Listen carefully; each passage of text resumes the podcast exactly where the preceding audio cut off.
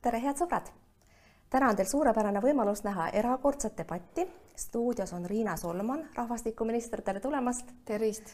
ja Liina Kersna, Reformierakonna Riigikogu liige, tervist! tere!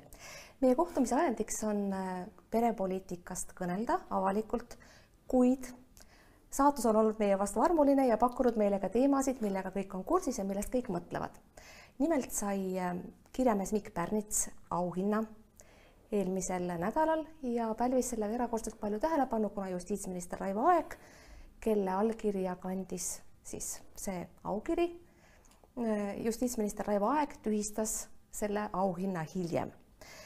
meenutagem siinkohal ka vaatajale, kes võib-olla ei mäleta kõiki asjaolusid, et tegemist on vägivallaennetuse auhinnaga, mis anti üle Roosi aias presidendi poolt ja selle auhinna sai ka näiteks Eero Epner, kui nimetada tuntumaid nimesid kuna teie, Riina Solman, olete saanud sel teemal juba sõna võtta, siis ma algatuseks annaksin sõna teile, et ähm, vastata küsimusele, kuidas paistab asjaolu, et ähm, auhind, millel on ministri allkiri juba all, diplom, ja see auhind tühistatakse pärast saamist. kuidas see välja paistab? no on kaks halba varianti tegelikult, et äh, esiteks, et äh, kas meil on justiitsminister, kes ei suuda süveneda piisavalt, ei tee oma tööd piisavalt põhjalikult, andes ühel päeval allkirja ja kakskümmend neli tundi hiljem võtab selle allkirja tagasi. või teine variant on, et äh, meil on justiitsminister, kes on väga kergesti mõjutatav et ta tegi küll otsuse, tegi teadliku otsuse, aga siis kellelegi see otsus ei meeldinud ja ta võttis oma otsuse tagasi. noh, igal juhul on see juhtum andnud korraliku löögi äh, riigi väärikusele ja, ja kindlasti on see andnud korraliku löögi äh, riigi usaldusväärsusele. et kas äh, tipp-poliitiku allkiri midagi maksab? me oleme juba saanud aru, et sõna selles valitsuses väga midagi ei maksa, aga nüüd me näeme, et ka allkiri ei maksa. Riina Solman, teie olete justiitsminister Raivo Aega ühest erakonnast, kuidas siis säärane lugu võis juhtuda? No ja ma ütleks muidugi Liinale siin nüüd vastu, et et kindlasti ei saa öelda niimoodi, et Raivo Aeg annab sõna, võtab sõna. et kui ma juhin tähelepanu, et äh, neid auhindu andis välja komisjon, kus ei olnud ka ühtegi ministri nõunikku, see on varasemalt moodustatud komisjon ja ministri ning presidendi roll oli minna auhindu üle andma justkui nagu siis kätt surudes. ja muidugi Mikk Pärnitsa nimi me teame, ei ole nii mulle, mul tundub ka võib-olla Liina sulle, võib-olla sina oled minust selles osas haritum olnud, aga kui ma nägin teda lava peal auhinda vastu võtmas, seda pilti, alles siis ma sain aru, ahah, see on seesama Mikk Pärnits, see on seesama inimene, kes ka on laulupidusid kritiseerinud, kes on ropendanud lugupeetud kirjandusteadlase kohta sõimusõnu öelnud, Malle Pärna kohta, tegelikult olnud vaimne vägivallatseja. Ja, ja rääkides ka täna hommikul Raivo Aegiga ise, me kohtusime, meil oli täna meie ministrite koosolek homse valitsuse teemadel, siis äh, tõepoolest äh, paljud ei teadnud enne Mikk Pärnitsat ja said siis sellest performance'ist nagu aru, kellega on tegu ning et tegelikult tagasi võtta inimeselt auhind, kes on ise vaimne vägivallatseja ja mis kutsus esile siis haavata saanud inimeste reaktsioone, äh, sealhulgas ka mulle kirjutas Eesti Naisteühenduste Ümarlaud, et see ei ole kohane. täna ta on saatnud kirja presidendile. auhind anti konkreetse teo eest vägivallaennetuse akti eest, mis oli siis ette võetud Instagramis, eks ole, see pole okei okay ettevõtmine. justiitsminister Raivo Aeg kommenteeris seda, et ju ma siis ei süvenenud piisavalt. Teie ütlete, et ta ei teadnud, kes see Pärnits on. ta oleks siiski võinud süveneda, kas pole nii? aga loomulikult, kui sa oledki ette nähtud andma auhinda üle, ka president siis tegelikult kuidas ta sai teada, loomulikult ta usaldab, kui talle tuuakse diplomid, mis on juba enne käinud läbi ka karistusregistrist, aga ma rõhutan teile, küsimus ei olnud ju auhinnas ega pärnitsas, küsimus oli selles, et tema ohvrite kannatused tõusid esile ja need inimesed reageerisid.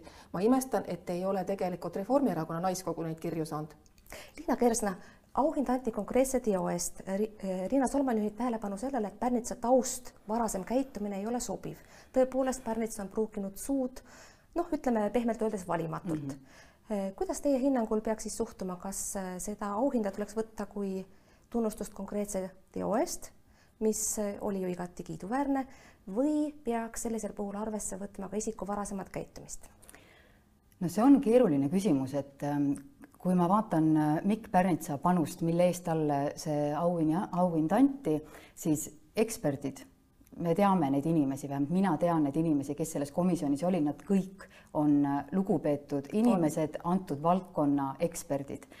Mm, ja nemad lähtusid äh, olemasolevast statuudist.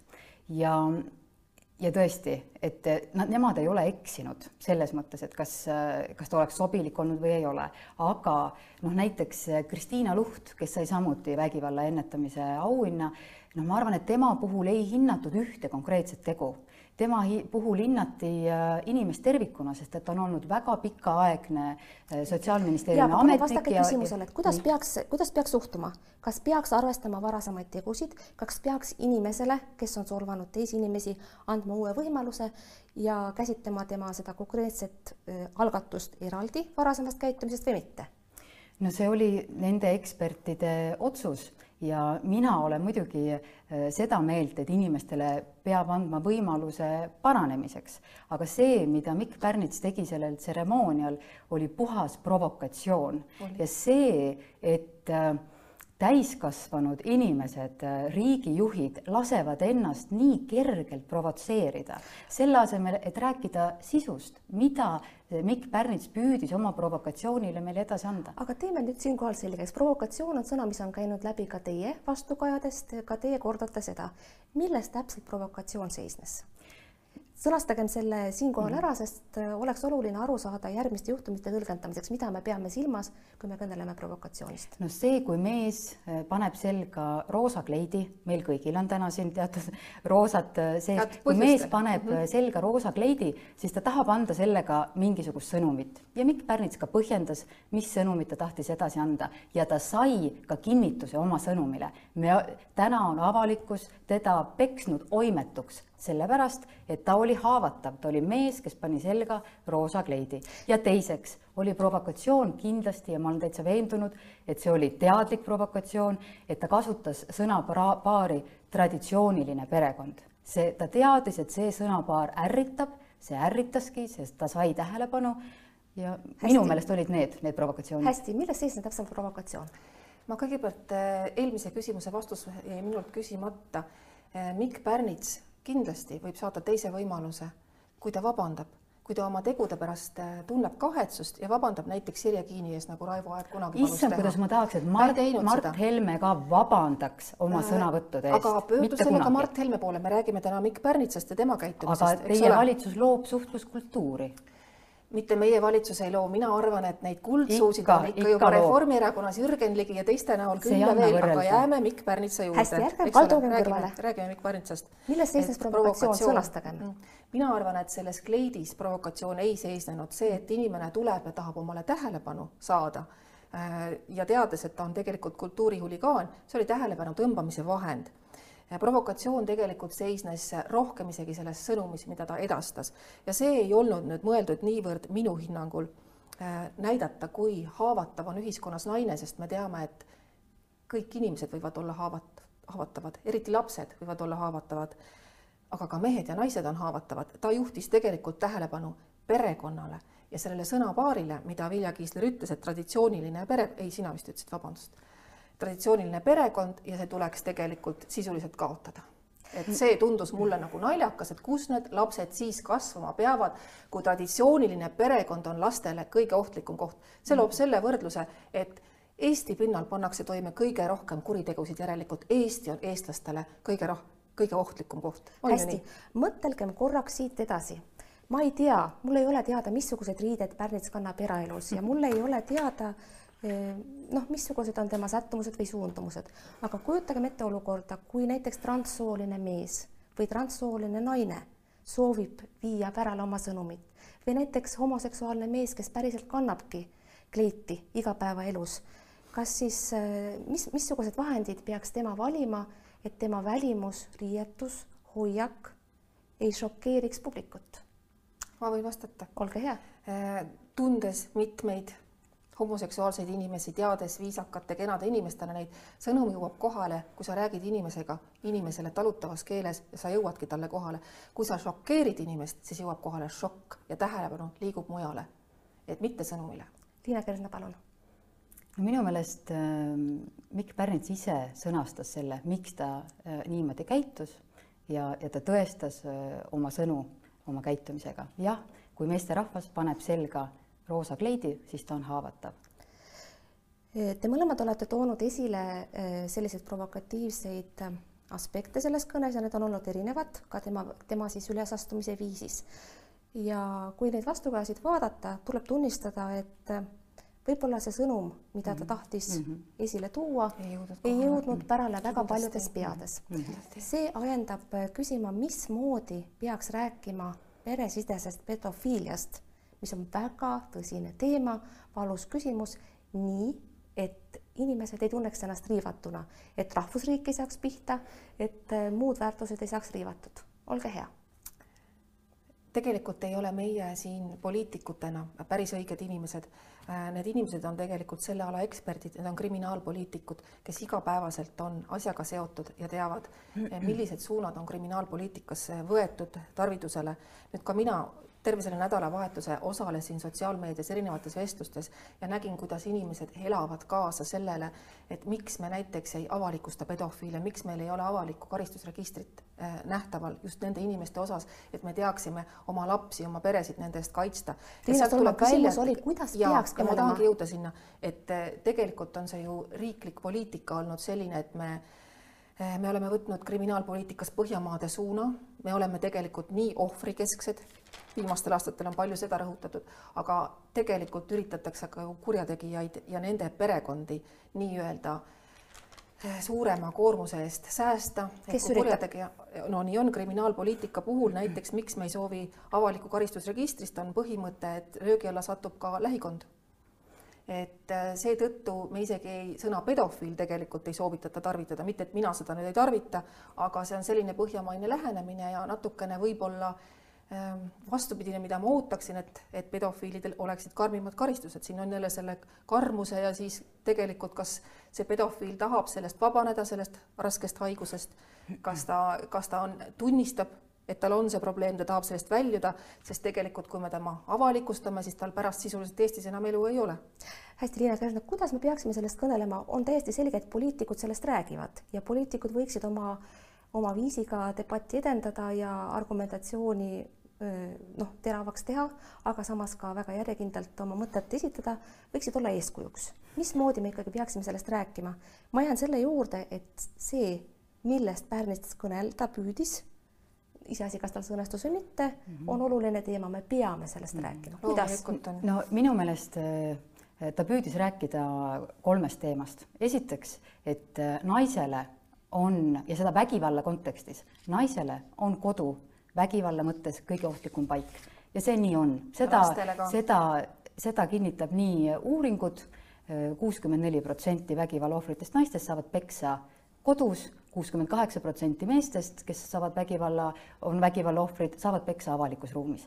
see on fakt ja seda ta püüdis öelda. tema rääkis sellest eh, traditsioonilisest perekonnast ja noh, tõesti, ma ei tea, mis see traditsiooniline perekond täpselt on, võib-olla me jõuame selle defineerimiseni, aga eh, rohkem kui kaheksakümnel protsendil juhtudest on vägivallatseja mees ja naine on ohver. see on esimene teema minu meelest. seda oli Teine..., seda tal ei õnnestunud avalikkuseni viia, saan ma õigesti aru? Eh, noh, sellepärast, et ta kasutas sõna traditsiooniline perekond.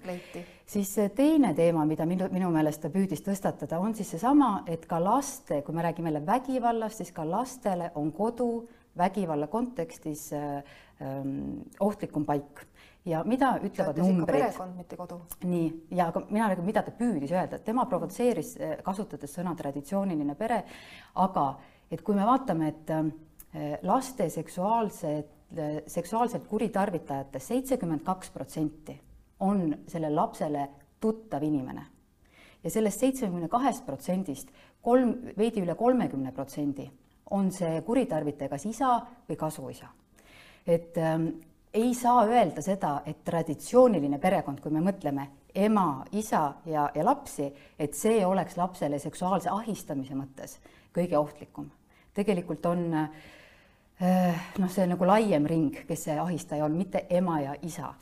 ja siis kolmas teema, mida minu meelest Mikk Pärnits püüdis tõstatada, on siis see, et meie kriminaalseadustikus või karistusseadustikus on siiani kirjas see, et ähm, täiskasvanud inimene võib alates neljateistaastaselt lapsega suguühtesse astuda ja, ja see on ka teema, mida me peaksimegi arutama, kas see on okei okay.. kui näiteks vaadata, Soomes on see vanus kuusteist, Norras on see vanus kuusteist, Saksamaal kuusteist. miks me ei aruta sel teemal?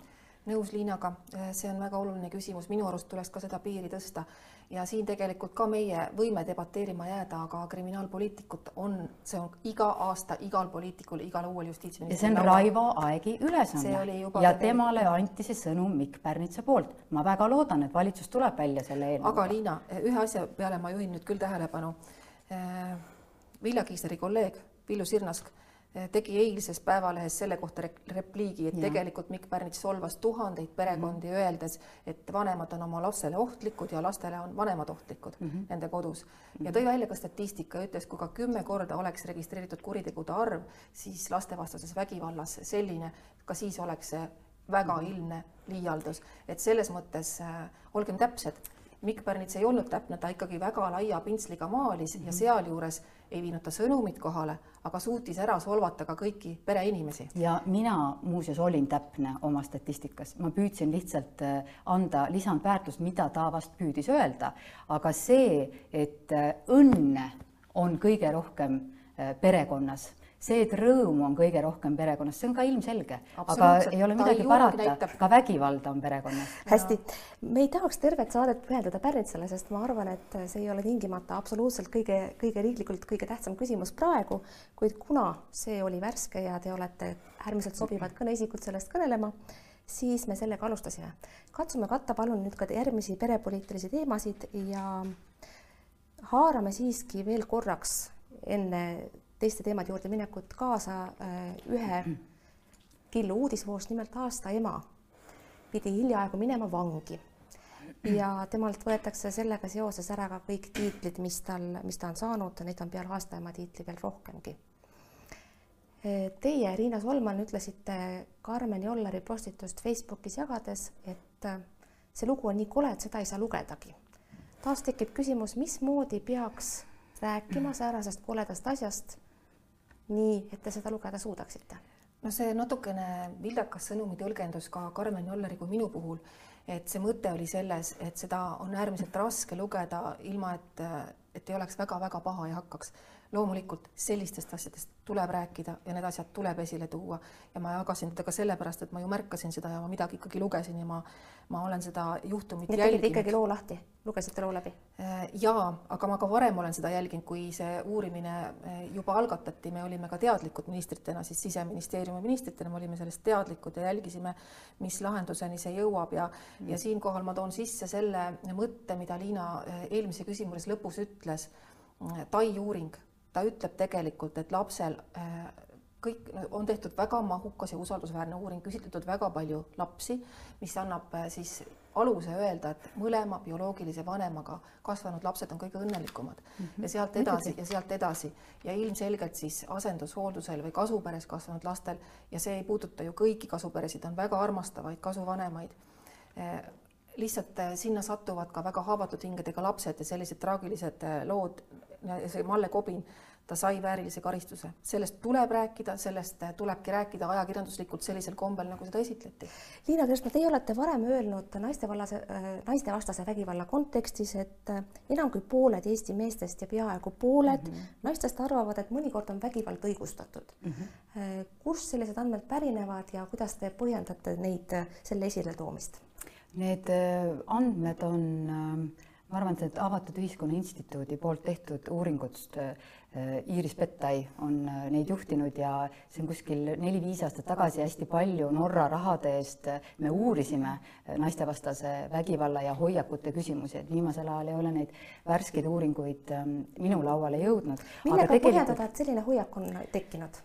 No ta ei ole tekkinud, ta on tegelikult meil suuresti ikkagi ka ajalooliselt kaasa tulnud, et eks see on sellise Nõukogude Liidu väärtushinnangute baas, et me, see muutub aina väiksemaks, see number läheb aina väiksemaks, aga see siiski on ja noh, alles kaks tuhat kaheksateist tegi Praxis uuringu, kus iga viies lapsevanem ütles, et äh, lapse füüsiline karistamine on teatud tingimustel vajalik, samal ajal kui kaks kolmandikku lastest ütlesid, et füüsiline karistamine on käsitletav vägivallana. nii et äh, see Malle Kobin ei olnud kahjuks erand. Riina Solman, teie Isamaa erakonnas on äh, olemas veel selline auhind nagu Isamaa aasta ema. miks on tarvis anda eraldi välja erakondlikku aasta ema tiitlit, kui selline tiitel on riigis juba olemas? vastan siin lausa äh, endise Naisliidu juhi Siiri Oviiri sõnadega, et neid auhindu emadele, kes on lasterikka pere emad ja teevad ära väga suure töö laste kasvatamisel, ei ole kunagi vähe. kui te Siiri Oviiri meelde tuletasite, siis ei saa mina jätta meelde tuletamata Siiri Oviiriga seotud surematut vahejuhtumit, kus ta aasta ema kohta ütles, et see ei või mingil juhul tutvustada lastele igal aastal uut isa. kas äh, ema, kellel on palju lapsi, aga kelle lastel ei ole isa, kes elaks nendega koos, võib olla Isamaa aasta ema?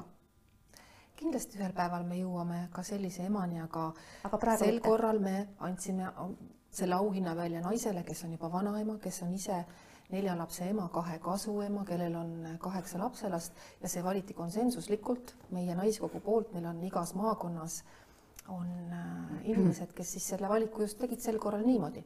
et äh, mina arvan, et Siiri Oviiril oli see lihtsalt tollel hetkel ebaõnnestunud väljend, mille tõttu tegelikult me tänase päevani seda mäletame ja on väga toredaid äh, laule tehtud ja laulu sisse satutud. tõepoolest.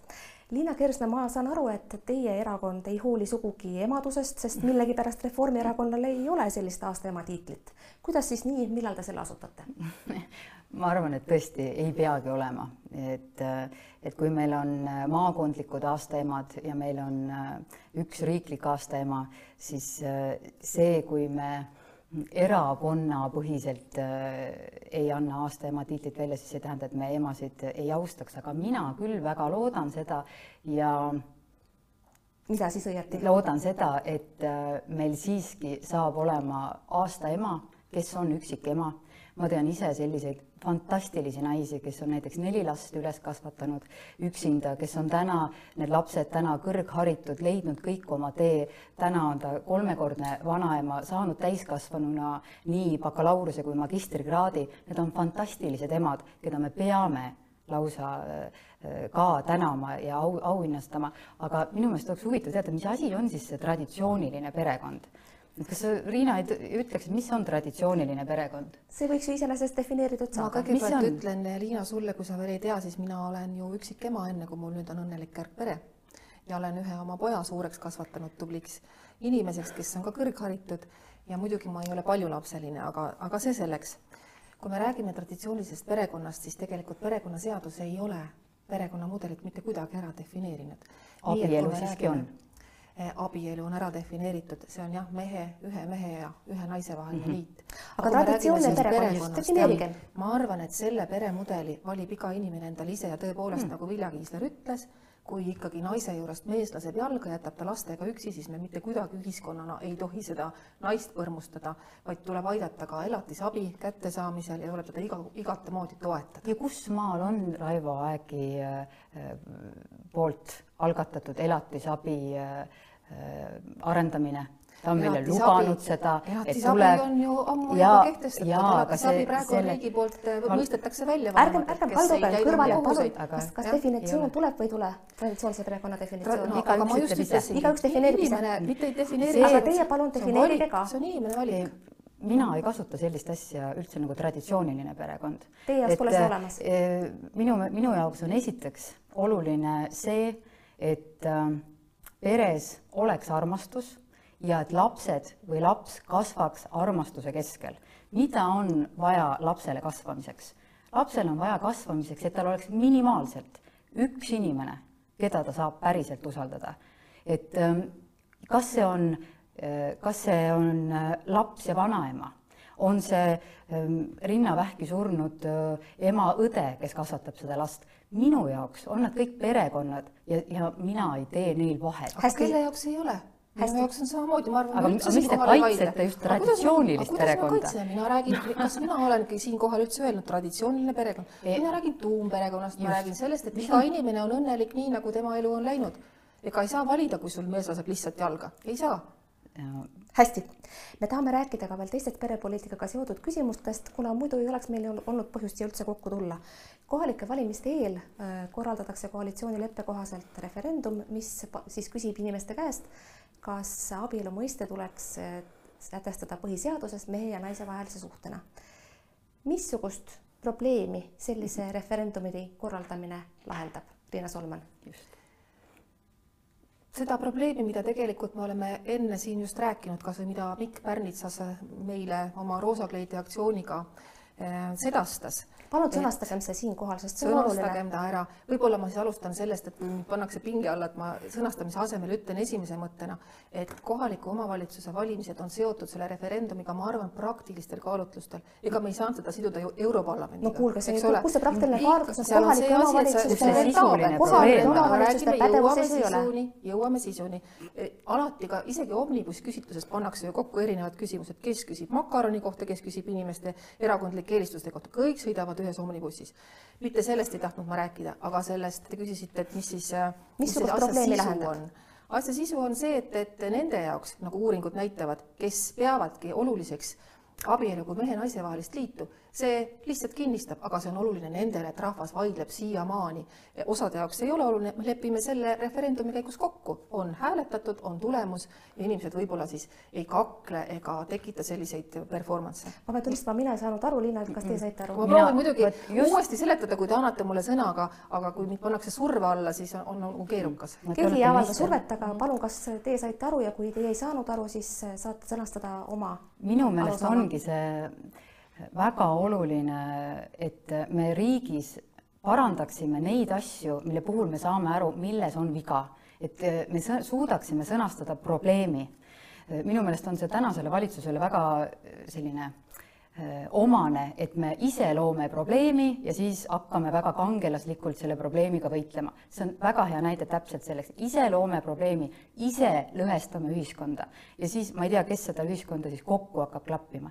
aga ma absoluutselt ei imesta selle üle, et äh, teie koalitsioonipartner EKRE tahab saada põhiseadusesse äh, kinnitust, et abielu on mehe ja naise liit, sest et täpselt sedasama tegi alles hiljuti Putin Venemaal aga ma tõesti siiralt äh, imestan, et miks seda teeb Isamaa.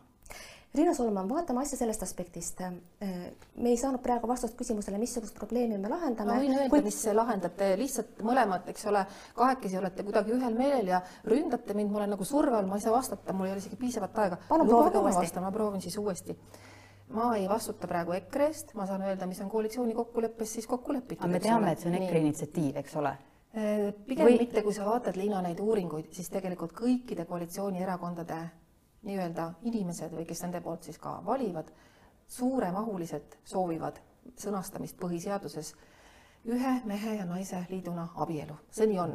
ja muidugi opositsioonierakonnad vastupidiselt on selles küsimuses vähemuses. ja aga palun sõnastage ikkagi, te soovisite ma räägin iseenda nimel praegu, mida mm -hmm. mina arvan, miks on meil seda tarvis, sest mina lähtun sellest koalitsioonileppest meil on tarvis seda just sellepärast, et meil ei oleks selliseid performance'e, et ei oleks selliseid sõnavõtte, mis lõhuvad tuumperekonda, mis ütlevad väga, väga palju ideolooge on ilmunud viimasel ajal esile, kes ütlevad, et perekonda kui sellist pole vaja, piisab armastavatest inimestest.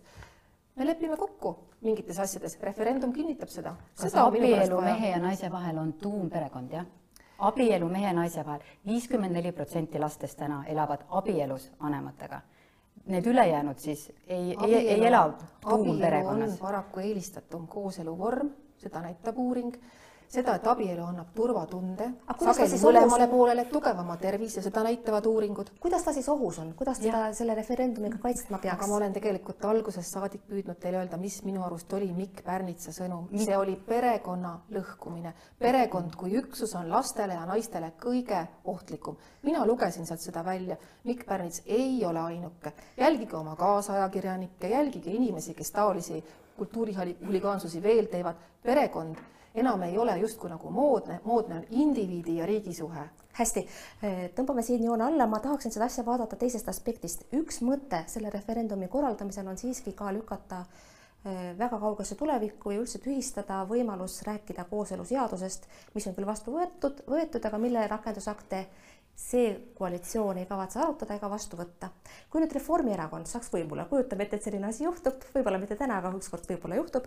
kas teie Reformierakonnas olete valmis rakendusaktid vastu võtma?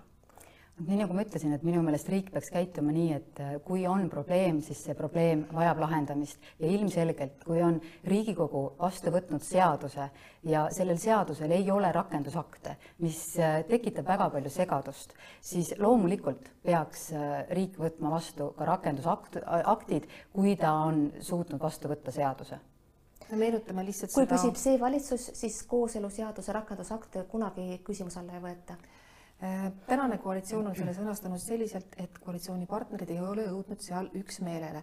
kui te soovite minu hinnangut sellele küsimusele, siis noh, nagu me näeme.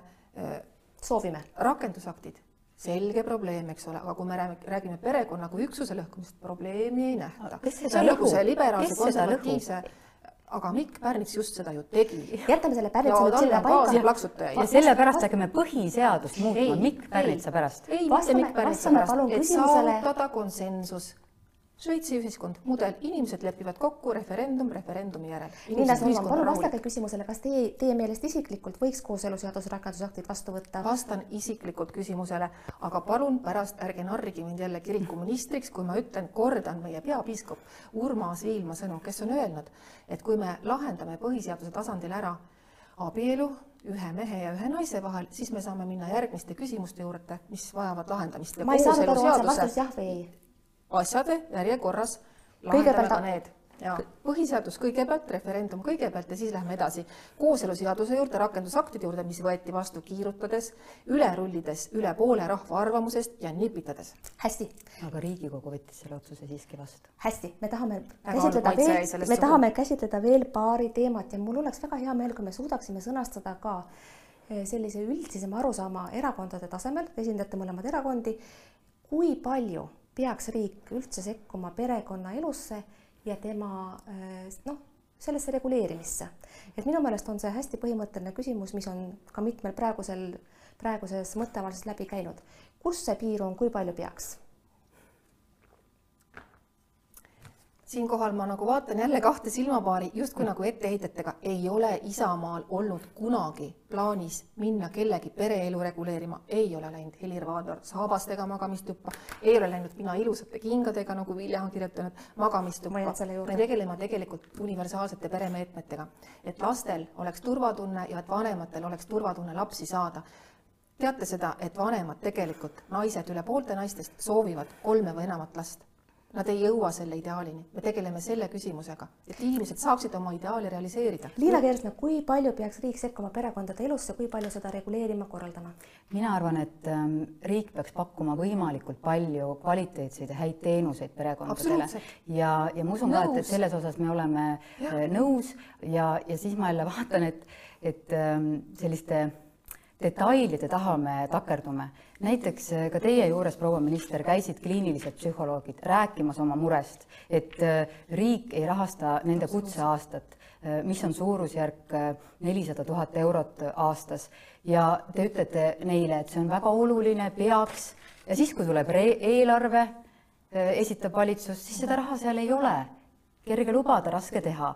ja, ja see ongi selline silmakirjalikkus, et perepoliitika teemadel me hästi palju räägime seda, et see on kõik nii tähtis ja see kõik on nii oluline ja me püüame aidata, aga kui läheb reaalselt otsustamiseks, siis sinna ei tule. lugupeetud Riigikogu liige Liina Kersna, ma tuletan meelde, et te ei leppinud ka oma erakonnas selles kokku, et see raha oleks pidanud minema kliinilistele psühholoogidele. Teie ütlesite Riigikogu saalis ühte, Maris Lauri andis hoopis teise intervjuu kas Vikerraadios või Kuku raadios, kus ta ütles, et see raha, mis oli kõne all, peaks minema kuskile mujale. peaminister, see oli, ei olnud see mingisugune silmakirjalikkus, esiteks võiksite olla kursis, et see ei olnud Reformierakonna äh, muudatusettepanek, kuigi kõik Reformierakonna liikmed ja opositsioonisaadikud toetasid meie muudatusettepanekut. see oli opositsiooni erinevate saadikute initsiatiiv Teie lubasite kliinilistele psühholoogidele ja ei suutnud seda täita. Hästi, tõmbame mina siit- ei tea, et keegi oleks kliinilistele psühholoogidele andnud lubaduse, et te selle raha sellel kuupäeval saate. Seda, et kõik toetavad, katsume see mitte- kindlasti aga oli see katsume hea mitte- näide lihtsalt Te praegu sellest, et tegelikult keerutate praegu. ei keeruta. katsume veel proovite näidata koalitsiooni halvas valguses ja teie olete õilsad.